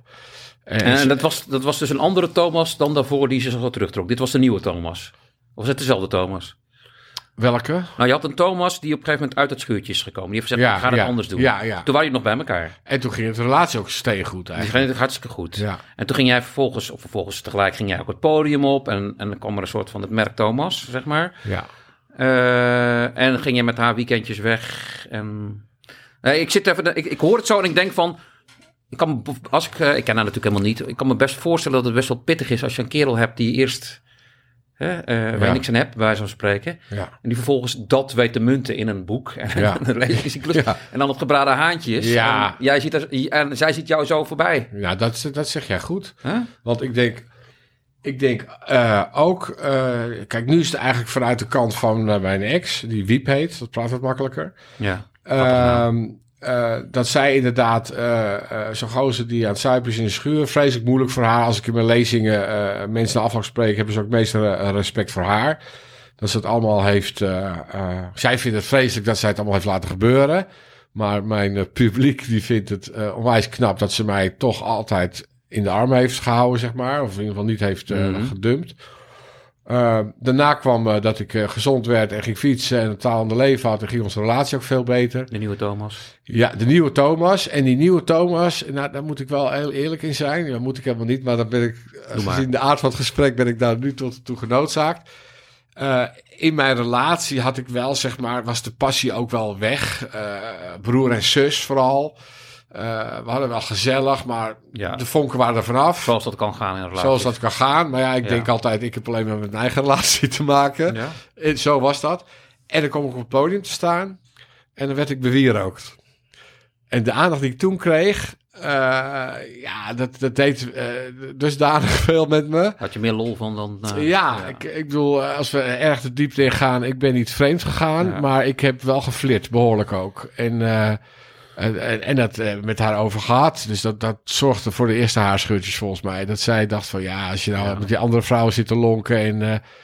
eh, Terwijl ik al die jaren... ja, eh, dus ja. Ik, snap, ik snap wel dat zij eh, eh, nu zoiets had van dikke middelvinger voor jou. Ja. en Zoek het maar vanzelf uit. Ja, dat, ik snap haar ook wel. Ik praat hier nooit zo over. Maar ik dacht, gezien de aard van het gesprek, dacht ik van... Ja, nou, ik vind het heel, ik vind, eh, ik, ja, ik vind het tragisch, eh, of tragisch, dat, Is het ook wel, dit hoor. jullie, maar ik kan me voorstellen dat het voor haar heel pittig was. En Ja. voor jou misschien ook wel toen je het besef had.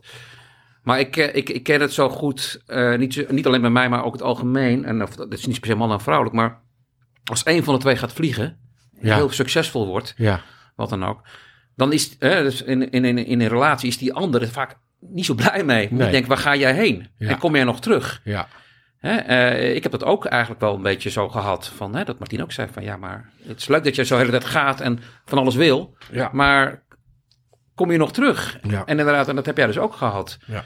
Eh, en, en, en daarom zijn, eh, eh, zie je vaak dus dat je kan bewierookt worden en toegejaagd en fans hebben, noem maar op. Maar die zitten vaak niet in je inner circle. Nee, nee, nee. Dat is een, ja, dat is een hele goeie. Het is bijna social media waar we het over hebben. Ja. Ehm, eh, ik denk dat je daar gelijk in hebt. Dat zij, zij was, is ook nooit bij een lezing geweest Nee. voor mij. Ik heb er wel 90 gedaan, denk ik.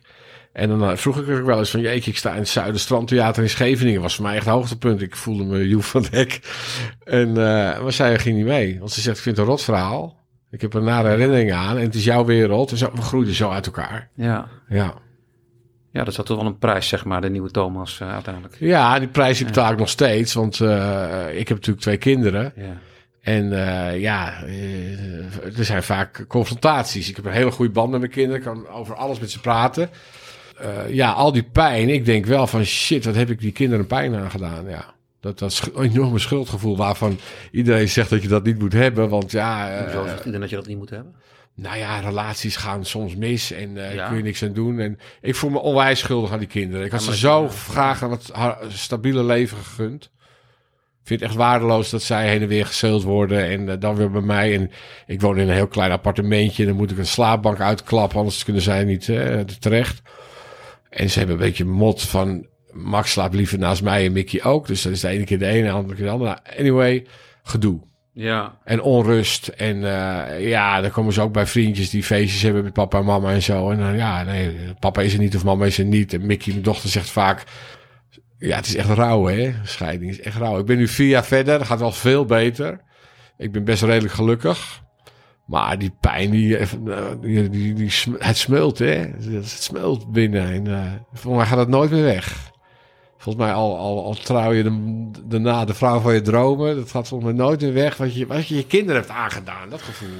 Ja, eh, kijk, eh, ik weet het niet. Ik weet eh, wel dat eh, als ik naar, eh, ons gezin kijk, is dat ik, mijn, mijn jongste twee broers, dus waaronder ook David, die, zijn volop in de scheiding terechtgekomen van mijn ouders. En die hebben daar echt wel last van gehad. Jouw ouders zijn gescheiden. Ja, dus eh, toen was ik al het huis uit. Oké. Mijn vader is lang overleden hoor. Maar die zijn gescheiden. En, eh, nou, en wat er gebeurd is in dit geval, is dat eh, mijn vader min of meer van zijn voetstuk viel. Eh, dat is natuurlijk onspecifieke verhalen, of eigenlijk hun specifieke verhaal. Dus zij hebben in hun puberteit, want zo oud waren ze toen, hebben ze eigenlijk eh, geen basis gehad, geen stevig, geen, geen man die ze even vertelde van, joh, zo moet je doen, hè, en noem maar op. Had ik ook niet, maar ik, ik heb een ander pad gevolgd en ik, ik had in ieder geval nog de illusie van een stabiel gezin. Ja. Hè, dat hoeft niet zo te zijn, maar dat die illusie kan je wel hebben. En ik, eh, ik heb wel dat idee dat dat die twee wel een beetje getekend heeft. Eh, dat ze dat, dat, ze dat, dat, dat ze dat zeg maar soort van, van het padje heeft gebracht. En dat is iets wat je wel, dus in ons geval, waar ik denk van nou, daar hadden we, had in ieder geval mijn vader wel iets aan kunnen doen. Ja. Hij heeft, daar heeft, hij had er de middelen niet voor, ook, ook mentaal niet, denk ik. Maar, dus er, er is altijd wel genoeg weer te repareren. Nou, ik moet, ik moet wel zeggen, ik, in, in al mijn verhalen dat ik vrij nederig over mezelf denk en negatief en zo. Ja. En, en eh, ik kan het niet en zo. Eh, ik krijg ook wel van mijn omgeving te horen dat ik het goed doe, zeg maar. Maar ik merk ook wel aan mezelf, en daar hoef ik ook geen moeite voor te doen. Ik investeer veel in ze. Ja. En we hebben een uitstekende band. Ik heb, eh, ja, mijn dochter is echt dol op me. Die zit alleen maar de hele dag eh super daddy tekeningetjes te maken. Dat zijn ook wel loyaliteitsdingen, joh. Ik ben ook niet gek. Maar ik, ik merk gewoon, ik probeer het zo aangenaam mogelijk voor ze te maken als zij er zijn, zonder heel erg te slijmen. Maar eh, ja, ik, ik, ik, ik, eh, ik ben er echt wel voor ze. Ja. Ja.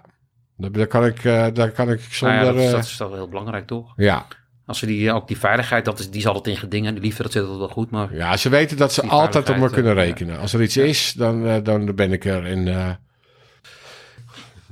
Eh, we hadden het net over je band met je kinderen, die goed is. Dat is fijn. ja, heel fijn. Ehm, laten we het even teruggaan eh, naar je relatie. Met, eh, eh, dus? 18 jaar, is best lang. Ja. Was je nou in het begin, hoe, hoe deed jij in het begin je best voor haar? Ja, best wel. Ja. Ik heb... ze heeft het twee keer uitgemaakt in het begin. Ja? Ik ben echt diep door het stof gegaan. Ik heb haar ontmoet. ik was verslaggever van Panorama. En toen moesten we voor een verhaaltje karten tegen drie meiden bij Tom Coronel. En daar was zij er één Dat van. is een Ik- behoorlijk panorama. Het was heel erg Panorama. Het Ja. was net als schoolkrant interviewtje drie. Ja. Het heette de race van de waarheid. Stelt Ja. natuurlijk niks voor. De baan van je leven had je toen, denk ik. De baan van mijn leven, ja, dat had ik zeker, ja. Ja, ik heb dat nu bij... Ik freelance onder andere nu voor Veronica. Daar heb ik het ook al een beetje, hoor. Dat ik, eh, ja... Maar zeker bij Panorama, als je een leuk idee had, mocht je het maken. Jij ging karten. Ik ging, ja, precies. ik ging karten en eh, zij was, ik vond het echt super stoer en leuk. Maar ik dacht, eh, ik maak geen kans. Maar toen ik wegging na het interview eh, wat ik met haar had, toen kreeg ik een zoen op mijn mond van haar. Toen dacht ik, nou, dat doet ze ook niet zomaar. En eh, toen hebben we eh, mailcontact, dat is wel grappig om te vertellen, maar we hebben mailcontact gehad. En mail was toen was nog redelijk nieuw. Ik praat over 1999, 98, 99. En eh, eh, dan was nog dat je het in moest bellen. Oh ja. Ja, die ja. En eh, ja, ik schreef hele lappe tekst naar haar, want ik, ik had dus dat interview met haar en toen had ze een e-mailadres gegeven. En nou ja, dat had weer een andere reden. Ik had een verhaal gemaakt. Zeg, oh, wil je dat verhaal lezen? Nou, dan meen ik het wel naar je. En ik heb in ieder geval de e-mailadres, zo slim was ik ook alweer. Ja, ja. En eh, toen hebben we heen en weer gemaild, maar ik had een lappe tekst en zij maar drie regeltjes steeds. Dus ik dacht, nou, ze vindt er niks aan. En op een gegeven moment, het duurde ook, hij konden ook geen afspraak maken, het hield ze af. En eh, ik dacht, nou, het wordt niks. Dus ik heb op een gegeven moment gestopt met mailen. En toen kreeg ik na drie dagen eh, waarom ik niet meer mailde. Ja, dat is het spel. Heel goed. Ja, Mooi. en, eh, maar zij vertelde later, want ze, ze zegt, over die drie regels zegt ze, deed ik een half uur. Ik zeg, oh, dat lap tekst van mij, daar deed ik vijf minuten over. Maar ik ben natuurlijk schrijver, dus ik ros het er zo Ja. uit. En ik kan vrij goed mijn gedachten op papier krijgen. Eh, dus uiteindelijk hebben we wel afgesproken. En toen eh meteen vlam in de pan. En na een paar dagen eh, maakte ze het uit. Want zij had een ex al 15 jaar, was net een half jaar uit. En die ging rondjes om haar huis rijden. Oh. En eh, oude vakantiefoto's in de brievenbus gooien. Dus eh, zij raakte in de war. En ik denk dat ze eh, drie weken daarna, toen belde ze, zegt, zullen we weggaan? Met, eh, welke weg? Oh, oké. Ik dacht je, dat je bedoelde dat jij nog wel je best had gedaan om haar weer terug te veroveren, maar ze, ze meldde zichzelf weer. Ja, zij meldde, dan moet ik wel goed nadenken. Nee, ik ben, ik ben er wel, dan komt die arrogante weer. Eh, ik wil niet zeggen graag of niet, maar ik, ik, ik ben er wel iemand. Ja, zij, zij loopt weg, dan ga ik niet hijgen achteraan rennen. het is het, eh, Ook niet om haar te storen het is in het het spel. proces. Ja, het is een spel. Ja, ik dacht Ja. dan, als ik nu ga zeggen, oh, kom je alsjeblieft toch bij mij, dat heb ik niet in me. Ja, dan ben je meteen onderliggende partij. En, eh, Ja, en zo voel ik me wel. Dus ik baal wel. En ik ben, ik ben met vrienden naar het strand geweest, weet ik Ja. nog. En dan zat ik als een zombie voor me uit te kijken. Ik was echt kapot van. Maar ik ga dan niet eh, haar vragen, wil je? Ik denk, daar maak ik toch veel, daar maak ik het niet beter op. Ik denk, volgens mij moet ik Goede nu beslissing. ja, even stilzitten bij het scheren, dat verhaal. En toen kwam zij inderdaad toch terug. Zijn we naar de Ardennen geweest, vier dagen. En op de terugweg maakte ze het weer uit. Oh, Was ik weer helemaal in zak en toen zeiden vrienden ook van mij, nou Brown, nu moet je echt kappen. Als ze, ze speelt met je, ze zit nog met die ex in haar hoofd en zo. En toen heeft ze, denk ik twee maanden later, heeft ze gebeld. Mijn broer zei nog, een van mijn broers, als zij belt, moet je niet tien seconden wachten, maar drie seconden met ophangen. Die moet uit je leven. Ja, niemand weet hoe het echt zit, want ik had eh, drie uur met haar gesproken. En eh, vanaf dat moment hadden we verkering. hmm, En dat duurde dus 18 jaar. Dus ik heb wel hmm. flink, eh, eh, ja, ik heb wel flink, nou ja, mijn best moeten doen. Ik heb flink wat te verduren gekregen voordat het echt wat kreeg. En, ja. wat, je vond haar heel stoer. ja. Dat was het? Was dat het belangrijkste? Of was dat het begin? ja, ik vond het echt heel stoer, ja. Ja. Ja, ja, zoals van zo'n spijkerbroek met opgerolde pijpen en Ja. een, een baseballpetje. En dan ging ze in die kart zitten en dan reed ze met een vierkant uit. Wauw, ik vond het echt te gek, ja. Geen tutje. Het was geen tutje, nee. En het- ik was in die periode was ik vrijgezel met eh, twee vrienden. We noemden elkaar de musketiers. We gingen alle kroegen af en alle vrouwen af. En waar was dat? Dat was in Beverwijk en Wijk aan Ik Zee. moet er meteen een beeld bij hebben. Ja? De kroegen van, jullie struinen de kroegen van Beverwijk en Wijk aan Zee af. Ja, maar dat, Aloha bestond al, hè? Eh, nee, ik denk dat het voor Aloha was, want ik was toen jaar 30, dus alweer Dat is het enige wat ik 24 jaar geleden. Oké, ja. Maar je had in Beverwijk de kroeg de Notaris en die was op vrijdag helemaal afgeladen. En op zaterdag had je in Wijk aan Zee de Paal, Paal 50. En die was op zaterdag afgeladen. Paal ook. Paal, ja, sorry. en eh, ja, zo'n zo, zo, zo'n kroeg dat je binnenkomt, dat je denkt, hoe kom ik hier binnen? Want het, het haring in de ton. Maar dan bestelden we allemaal altijd drie bier meteen. Die keilden we achterover en dan voelde je Dan je je comfortabel. ja, Ja, ja. dan kon je, dan vond je die drukte niet meer je zo stond erg. al vanzelf tegen iemand. Als je maar genoeg door zo'n kroeg manoeuvreren, dan stond je Ja, vanzelf je tegen stond- iemand aan te... Ja, ik, ik, weet je, het leuke, het leuke was, eh, eh, ik was dus met twee vrienden, Nardus en Paul. En Nardus die, die vloog op elke vrouw af die ook maar per ongeluk naar hem keek. Als er geen lef of geen... Hij, hij- juist, nee, juist, juist. Ja? Dus die, die, die dook op elke Ja. vrouw die, eh, die maar, eh, als die even aan de wenkbrauw zat, dan dacht hij, nou, die wil, die wil wat vanavond. En soms was het ook zo? Nou, het was nooit zo Dat eigenlijk. was nooit zo. Oké. Bijna nooit. En, eh, en eh, Paul die durfde geen enkele vrouw aan te spreken. Paul is een het andere uiterste. een totaal ander Oké, uit. hier ontvouwt zich een roman, in ieder geval in het begin. Ja? en, ik, en ik zat er tussenin. Ja, oké. En dan zei Nardus, als hij, als hij een vrouw zag waar hij op ging jagen, dan, zei, dan gaf hij hem een elleboog in. En dan zei hij, Tommy, even, ga even mee, even backuppen. Dus Ja. als, ik geen tekst meer heb, moest ik hem backuppen. Want jij was ook verbaal handig. eh. Ja, en hij helemaal, maar ik was ook wel verbaal handig. Maar ik was met vrouwen niet zo heel erg gedurfd, maar ik durfde wel wat. En Nardus durfde alles en eh, Paul durfde niks. En die stond, eh, stomme anekdote, hoor, maar die stond dan in die, halen. nee, die stond in de kroeg, ja, of van die kleine Shotjes. vlug, vlugers dingetjes. Oh, Maar eh Paul stond dan in die kroeg. En dan stonden we altijd in het looppad. En dan moesten die meiden natuurlijk langs.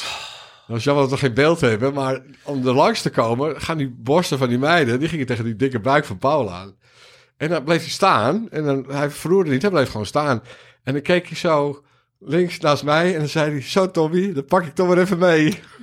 Oh, oh, Dit zijn oh, toch- oh, oh, oh, Dat is toch koefnoen, of niet? Ja, en het is ook zo fout als te neten natuurlijk. Maar ehm, Maar wat ik wou zeggen... ik voel me be- behoefte om hier nu, eh, 30 jaar later, dat ik hem helemaal niet ken, hier van te distancieren. Maar ik, ja, ik, ik snap wel dat het zo werkt, ja. En dat dat Happy days. De aard is days. van een volle bar, eh, ja. We hebben zo ontzettend Ja. gelachen. En dan stond ik naast Nardus. En dan, en dan stond er een eh, meid die stond. En die keek daar heel toevallig naar. Zoals ze naar andere jongens keken. Gewoon één, één seconde naar Nardus. En dan zag ik Nardus kijken. En dan viel zijn bek ook open. En dan ging ik naar Nardus' oor toe. En dan zei ik. Nou, Nardus, het moet wel heel raar lopen als dit geen neuken wordt. Ja, Maar dat gebeurde dus nooit. Dat werd het gewoon nooit. Dat gebeurde dus. Die gingen Niks. dan daarna weer naar huis. Ja, dat had we een eigenlijk wel. illusie geleefd. Ja. ja, ja. En in dat wereldje, wat ik op een gegeven moment Ja. zo zat was, want het was alleen maar stappen, drie keer in de week zuipen en eh, achter elke vrouw aan. Dan was ik op een gegeven moment zo ontzettend zat. Ik denk, oh, dat- al die bagger in die kroeg, het is ook allemaal puin. Ja, Zoals mijn moet je, collega moet je Michiel, 30 eh, ook echt wel mee stoppen hoor. En toen zag ik eh Wiep. Dus dan kwam je Wiep tegen. En dat was een hele andere categorie, ja. Ja. Ja, Ja. En, eh, en jullie eerste jaren waren je nog kinderloos. Hè? ja. ja ik, Max is van 2003. Dus ik denk dat het vier jaar geduurd heeft. Eh, dus ja, nee, de eerste twee jaar was echt fantastisch. Met elkaar op vakantie eh, naar Rome, naar Barcelona. Eh, nou, Was er een soort van rolverdeling ook? Vanzelf? Was Want zij was zo stoer. Je hebt ook vrouwen die zijn wat tuttig en je hebt mannen die zijn wat macho. Ja, ze was ook wel. Hoe, hoe ging dat bij jullie? zij was ook wel stoer voor de bühne, zeg maar. Oké. Gewoon ook een heel klein hartje, kwetsbaar. En, eh, en het was niet, een, een, een- niet een, je, je zou bij zo'n stoere vrouw ook een hele sterke vrouw. Dat dacht ik van de week aan. Ik hou eigenlijk helemaal niet van sterke vrouwen. Ik hou niet van sterke vrouwen. Nee, even een statement Wat tussendoor. bedoel je daarmee? Nou, ik vind sterke vrouwen... Wat is eh, een sterke vrouw? Laten we daar eens mee beginnen. eh, ja, ik, ik, ik hou gewoon van kwetsbaarheid. Van, eh, ik hou ook niet van winnersverhalen. Ik hoef ook niet te horen van... eh, ik, ik, ik had een tijdje geleden een chat... of nou ja, een beetje contact met iemand die steeds had over... nou, ik ben nou weer voor die baan gevraagd. En eh, nou, ik moet nou weer voor die... eh, maar ik, ik hoor veel liever... Ik had het net over mijn... mijn eh, nou ja, wat is het? De, de, de, de- je had het over rommelen, hè? De- die die eh, dame, om zo maar te zeggen. Die vertelde mij dat ze eitje ging koken. En dan had ze het pitje rechts aangedaan, maar die pannetje op de linker pit gezet. En toen heeft ze zo'n half uur staan wachten. Wanneer gaat hij nou een keer koken? Dat vind ik zo heerlijk. Je hebt ze hebben zogenaamd sterke vrouwen, die overkomt dat niet. En daar hou ik niet van. Ik, ik, ik wil, het moet een beetje breekbaar zijn. Het moet een beetje... eh, Wat brengt dat jou dan? Als zij voel ik me is? comfortabel Dan bij. en waarom voel je dat comfortabel? bij? Ja, omdat ik zelf dat ook heb, denk ik. Ik ben ook wel een beetje een sukkel. Oh, oké. Dokter? Ja, ja. nou ja, nee. ik hou van sukkelverhalen. Nee, maar ik, ik, ik, ik, ik snap dat ook. het moet niet allemaal te goed gaan. Het kan, ook, het kan ook best wel intimiderend zijn en je kan je onmachtig, dan voel je je niet goed genoeg. En eh, Ja. waarom zou je dat doen op je 54 of in mijn geval op mijn 49 Ja, Dan heb je helemaal gezien om je dat niet. En omgekeerd die vrouwen ook, denk ik niet. nee. Hè, ik kan me voorstellen dat zo inderdaad rond de drachtige leeftijd... dat het nog best wel belangrijk is om hè, eh, eh, je, je kansen te spreiden of te optimaliseren. Ja. Maar ja, en ik denk dat het ook iets van de leeftijd is. Hè, ik, kan me voor, ik weet niet hoe het bij jou is, maar ik kan me voorstellen dat je vroeger best onder de indruk was van een sterke vrouw. Nou, ik had gewoon echt een... eh, Ik liep op straat en ik dacht ineens... Ik hou niet van sterke vrouwen. Ja, dat is echt zo. Ik vind dat ze een beetje... eh, Dat ze een beetje moeten struikelen. En, eh, ik, ik hou ook niet van rijke vrouwen. Nee, ik heb er zat wonen. Ik woon in het Gooi. Ja, En dan zie ik zo'n rijke vrouw. En dan denk ik, ja, dan zou ik me heel ongemakkelijk voelen. Ik heb ja dit liever is dat ze... heel, het is niet erg, maar het is allemaal wel heel buitenkant dit. Hè? Maar goed, dat geef je zelf ook wel aan. Dat, hè. Ja, is dat echt zo? Nou ja, zo zeggen, hoe, hoe tof is het, mag het best zeggen denk ik, als die sterke vrouw toch niet zo sterk blijkt. Ja. Of die rijke vrouw toch niet zo rijk. Ja, dat is... Hè, die, eh, eh, eh, net zoals een vrouw in een, in een dikke windjas met een bontmuts op, vind ik onwijs veel opwindender dan een vrouw in een bikini. Ja. Ja, ja, dat herken ik, ja. ja. Dat je, dat je het gewoon niet weet. En, en, en, en hoe ouder je wordt, hoe meer je natuurlijk ook die twee kanten hebt. Want die vrouw die sterk is, ja, ja dan, dat gaat ze niet de hele tijd zijn. Nee. En eh, dus ja, voor beide is wat te zeggen. Maar ik vind het wel een mooie anekdote van het, van het pitje. Ja, dit vind ik een leuk leven. Ja, ja, ja, jij weet het beter dan ik. Maar ik kan me voorstellen inderdaad dat je, dat je nu in deze fase niet zit te wachten op... dat je ontzettend moet gaan bewijzen. Nee, toch? Nee, nee ik heb wel, ik heb wel die, zelf wel een beetje die bewijsdrang van... Als ik dan een beetje vertel dat ik schrijf en zo... en dan vertel ik dat ik eh, die bekende Nederland heb geïnterviewd... en dan Ja. vrij snel is het... wauw, wat heb jij een te gekke baan, weet je wel. En dan, dan denk ik wel, ja, zeker. Ik ben ook te gek. Ja, maar dat hoort bij een relatie. Ja, je begint ja. toch een beetje van de buitenkant... dan ga je langzaam een beetje afpellen, ja, toch? ja, ja, ja. En eh, op een gegeven moment gaat het pijn doen misschien... en dan nog je door of niet door. Dat is... eh, Het is in het begin inderdaad, ben je toch een beetje inderdaad aan het bewijzen... en aan het verkopen en weet ik het allemaal. Maar eh, je beste beentje voor. hey, ehm, eh, jij, eh, we we hadden nog even aan het mailen gisteren. Je had een brief aan je vader geschreven. ja, Vond je heel heftig zelf, het proces om te doen. ja. Maar dat, is, eh, dat gaan we zo zien. Mag ik iets nog als inleiding zeggen? Zeker? Floor is yours. ja, jij hebt gevraagd van kun je een, een brief schrijven aan je vader. Oh. Eh, er zijn echt wel pijnpunten. En mij is ook in de loop der jaren vaak geadviseerd van... Bij bijvoorbeeld een psycholoog waar ik wel eens kwam... ehm, je moet een, een brief eh, schrijven naar hem. Dan hou je gewoon van jezelf, kun je het van je afschrijven. En eh, mijn nederigheid, waar we het eerder over gehad hebben... zei ook wel weer van ja... Kun je dit wel voorlezen? Want je, je, je, je, je haalt hem misschien te veel naar beneden. En misschien vinden je broers het helemaal niet fijn. En toen dacht ik, dan ga ik weer. Hè? Niet van mezelf uit. Dus ik, eh, nou ja, ik ga nu mijn leesbril opzetten, Nathan. Dat moment komt, vroeg of laat. En een slokje nee. Het is een, het is een mooie leesbril, eh, luisteraars. Ja, een echte ethos. Een echte ethos, die heb ik ook namelijk. Hoi pa. Goh, het is wel heel gek om jou een brief te schrijven. Of een brief te schrijven over ons. Nu jij er niet meer bent. Ik moet er even bij vertellen, het is even los van de brief. Hij is in april op 92-jarige leeftijd overleden. Ik heb dat nog nooit gedaan, een brief schrijven aan jou. Ik heb ook zelden een echt goed gesprek gehad met jou. Wel spraken we over mijn problemen, als ik bijvoorbeeld ruzie had gehad met iemand, of over mijn relatie met Wiep. Maar dat was eigenlijk ook een beetje eenrichtingsverkeer. Ik vertelde mij wat me dwars zat en jij gaf je mening en advies. Nou ja, advies, je vertelde hoe het zat en wat ik moest doen. Niet wat ik zou kunnen doen. Dat is toch een groot verschil. Eigenlijk sprak je mij toe vanuit je troon en ik had vaak niet het idee dat mijn gevoelens, mijn ideeën er veel toe deden. Jij had wel heldere inzichten, daar had ik echt wat aan. Maar tot een echt gesprek, het uitwisselen van gedachten, kwam het eigenlijk nooit. Ik had ook vaak het idee dat mijn mening er niet toe deed. Eigenlijk wilde ik dit alles. Eigenlijk wilde ik je dit al eens vertellen toen je nog leefde. Maar ik durfde het niet. Als ik aan wilde geven wat ik niet fijn vond aan onze relatie, dan kreeg ik vaak de kous op zijn kop. Soms vroeg ik of je je gehoorapparaat in wilde doen, omdat ik niet telkens drie keer een vraag wilde stellen. Dan werd jij boos. Als ik dan wilde zeggen dat ik het niet leuk vond, dat ik zelfs dat niet mocht vragen, kapte jij alles af. Ik ga koffie maken, Tom, zei je dan. En dan was de sfeer om te snijden. Dan ging ik maar weer over voetbal praten, of ik zei dat een schilderij van jou, dat ik die mooi vond. Voor de lieve vrede.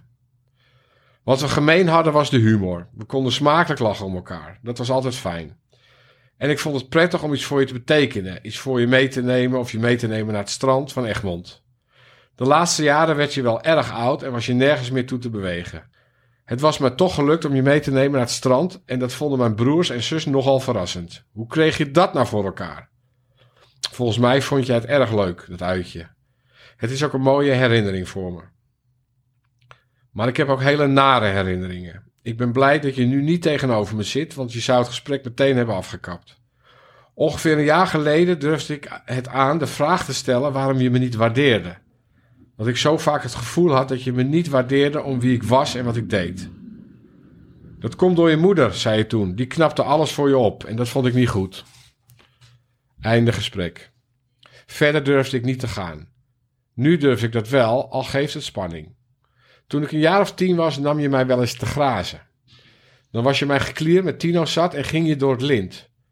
Je schopte op me in, terwijl ik weerloos op de grond lag. Je bleef schoppen alsof ik een vuilniszak was. Ik heb dat altijd als een deel van de opvoeding gezien. Het hoorde erbij. Ik was lastig en irritant, logisch dat ik daarvoor gestraft werd. Voor mijn gevoel heb ik daar nooit geestelijke last van gehad. Ik weet nog goed dat we gingen eten met Ma en Wiep, twintig jaar na dat mishandelen. Zo heb ik het tot voor kort nooit durven noemen. Want ja, ik vroeg er toch om. Toen bood jij tijdens het etentje je excuses aan. Je had gefaald als vader, zei je, en je had er veel spijt van. Ik was best verrast en zei naar eerlijkheid, of misschien wel door loyaliteit naar jou toe, dat weet ik niet, dat ik het voor jou erger vond dan voor mij. Ik meende dat volgens mij echt. Pas veel later drong het tot mij door dat het voor mij wel heel erg was. Soms denk ik, je hebt al mijn zelfvertrouwen eruit geschopt. Ik kan me nog steeds heel klein voelen, nietig, niks waard.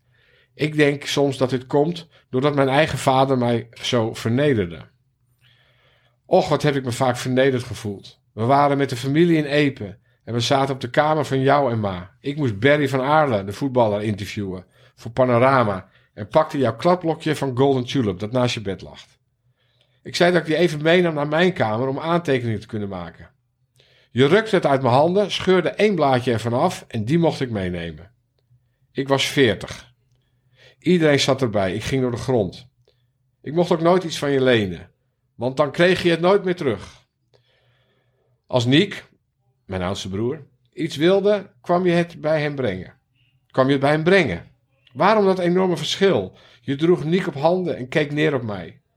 Zo voelde het. Vooral als Niek, die part nog deel had aan dit alles, erbij zat. Ik weet nog dat je alle kinderen 250 euro wilde schenken. En dat speelde in een periode dat ik in de put zat. Door mijn scheiding, belandde ik in een depressie of burn-out. Het ging echt slecht met me. Terwijl Niek naast ons zat, schreef je een cheque uit van 1000 euro en reikte die mij aan. Toen ik hem wilde aanpakken, trok je je hand snel weer terug, keek mij indringend aan en zei: Is het gezonemiet er nu wel een keer over? Weer ging ik door de grond.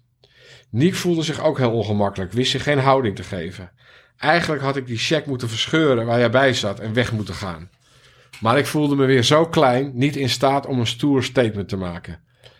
Ik voelde me weer als die jongen van tien, die klappen kreeg van zijn eigen vader.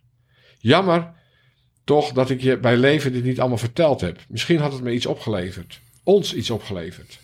Maar ik durfde nooit. Bang voor een nieuwe teleurstelling. Soms denk ik ook, ik mag je niks kwalijk nemen. Je bent je broer op jonge leeftijd verloren in de oorlog en je hebt twee jaar gevochten in Indië. Je hebt een oorlogstrauma gehad. Daarbij ben je streng katholiek opgevoed, wat ook zijn sporen heeft nagelaten. Zo probeer ik toch begrip op te brengen waarom je met me omging zoals je deed de fouten die je maakte. Je kon ook hele lieve dingen zeggen. Ooit zaten we als familie bij elkaar toen ik een hoogopgelopen ruzie met Niek had gekregen. Je zei dat je veel moeite had gehad met mij als kind, maar dat je vond dat ik het goed deed als journalist en een goede gozer vond geworden. Ik was daar zo trots op. En ach, ik nam je wel eens mee naar het Nederlands elftal. en de VIP-loge van PSV. Daar schreef ik dan een stuk over en dat artikel hing altijd pontific pontificaal bij jou in de gang. Ergens was er dus wel waardering. Maar naar mij toe heb je die zelden geuit. Veel vaker was er kritiek en poeierde mij af. Ik heb nu zelf twee kinderen. Max is 17, Mickey 11. Ik merk ook wel dat ik een drift in mij heb, die jij had. Kan enorm uit mijn slof schieten tegen Max. Gelukkig uit ik dat nooit fysiek. Maar ik herken wel dingen. Ik lijk wel op jou, geloof ik. Het leven is vooral op mezelf gericht. Dat had jij ook. En ik kan slecht tegen kritiek. Ook dat had jij. In mijn kamer staat een grote foto van je. Ik kijk vaak naar je. En ik hou van je. Dat doe ik echt. Maar ik hou niet van de manier hoe je met mij omging. Ik heb altijd de echte liefde gemist, de waardering, de trots. Ik hoorde wel van anderen dat je trots op me was als ik weer een bekend iemand zoals Romario had geïnterviewd. Maar nooit rechtstreeks. Kon je mij nog maar eens uitleggen waar het allemaal vandaan kwam, dat neerkijken op me? Of was het wel neerkijken? Mij de les lezen, snel boos worden. Nu had je dat met de andere kinderen ook wel, dat je weinig kon hebben. En ik wil ook een hand in eigen boezem steken. Ik was en ik ben geen makkelijke jongen. Eigenwijs, ongeduldig, druk en altijd op zoek naar aandacht. Maar is die zucht naar aandacht niet ontstaan door een gebrek aan aandacht van jou? Ja, van Ma krijg ik enorm veel aandacht en dat stak je op een of andere manier. Maar ik denk steeds, zij nam mij in bescherming omdat ik veel ruzie had gehad met mijn broers en als jongste en kleinste vaak het onderspit moest delven. Best extreem, zoveel aandacht van de een, zo weinig van de ander. Ik heb de laatste tijd veel last van wat er allemaal is gebeurd. Dat het niet normaal is om in elkaar geschopt te worden. Dat het niet normaal is dat je vader vraagt of het gesodemiet er een keer over is als je in een depressie zit. Dat het niet normaal is dat je een papiertje van zo'n stom hotelboekje afscheurt omdat ik, mijn conclusie, niet meer waard ben. Ik zou zo graag willen weten waarom. Waarom, waarom, waarom? Ik zal het antwoord nooit meer krijgen. En dat is best pijnlijk. Dag pap, rust zacht. Weet dat ik van je hou. Waarom? Omdat je mijn vader bent. Dat zegt Mickey ook altijd als ik vraag waarom ze van me houdt. Omdat je mijn vader bent.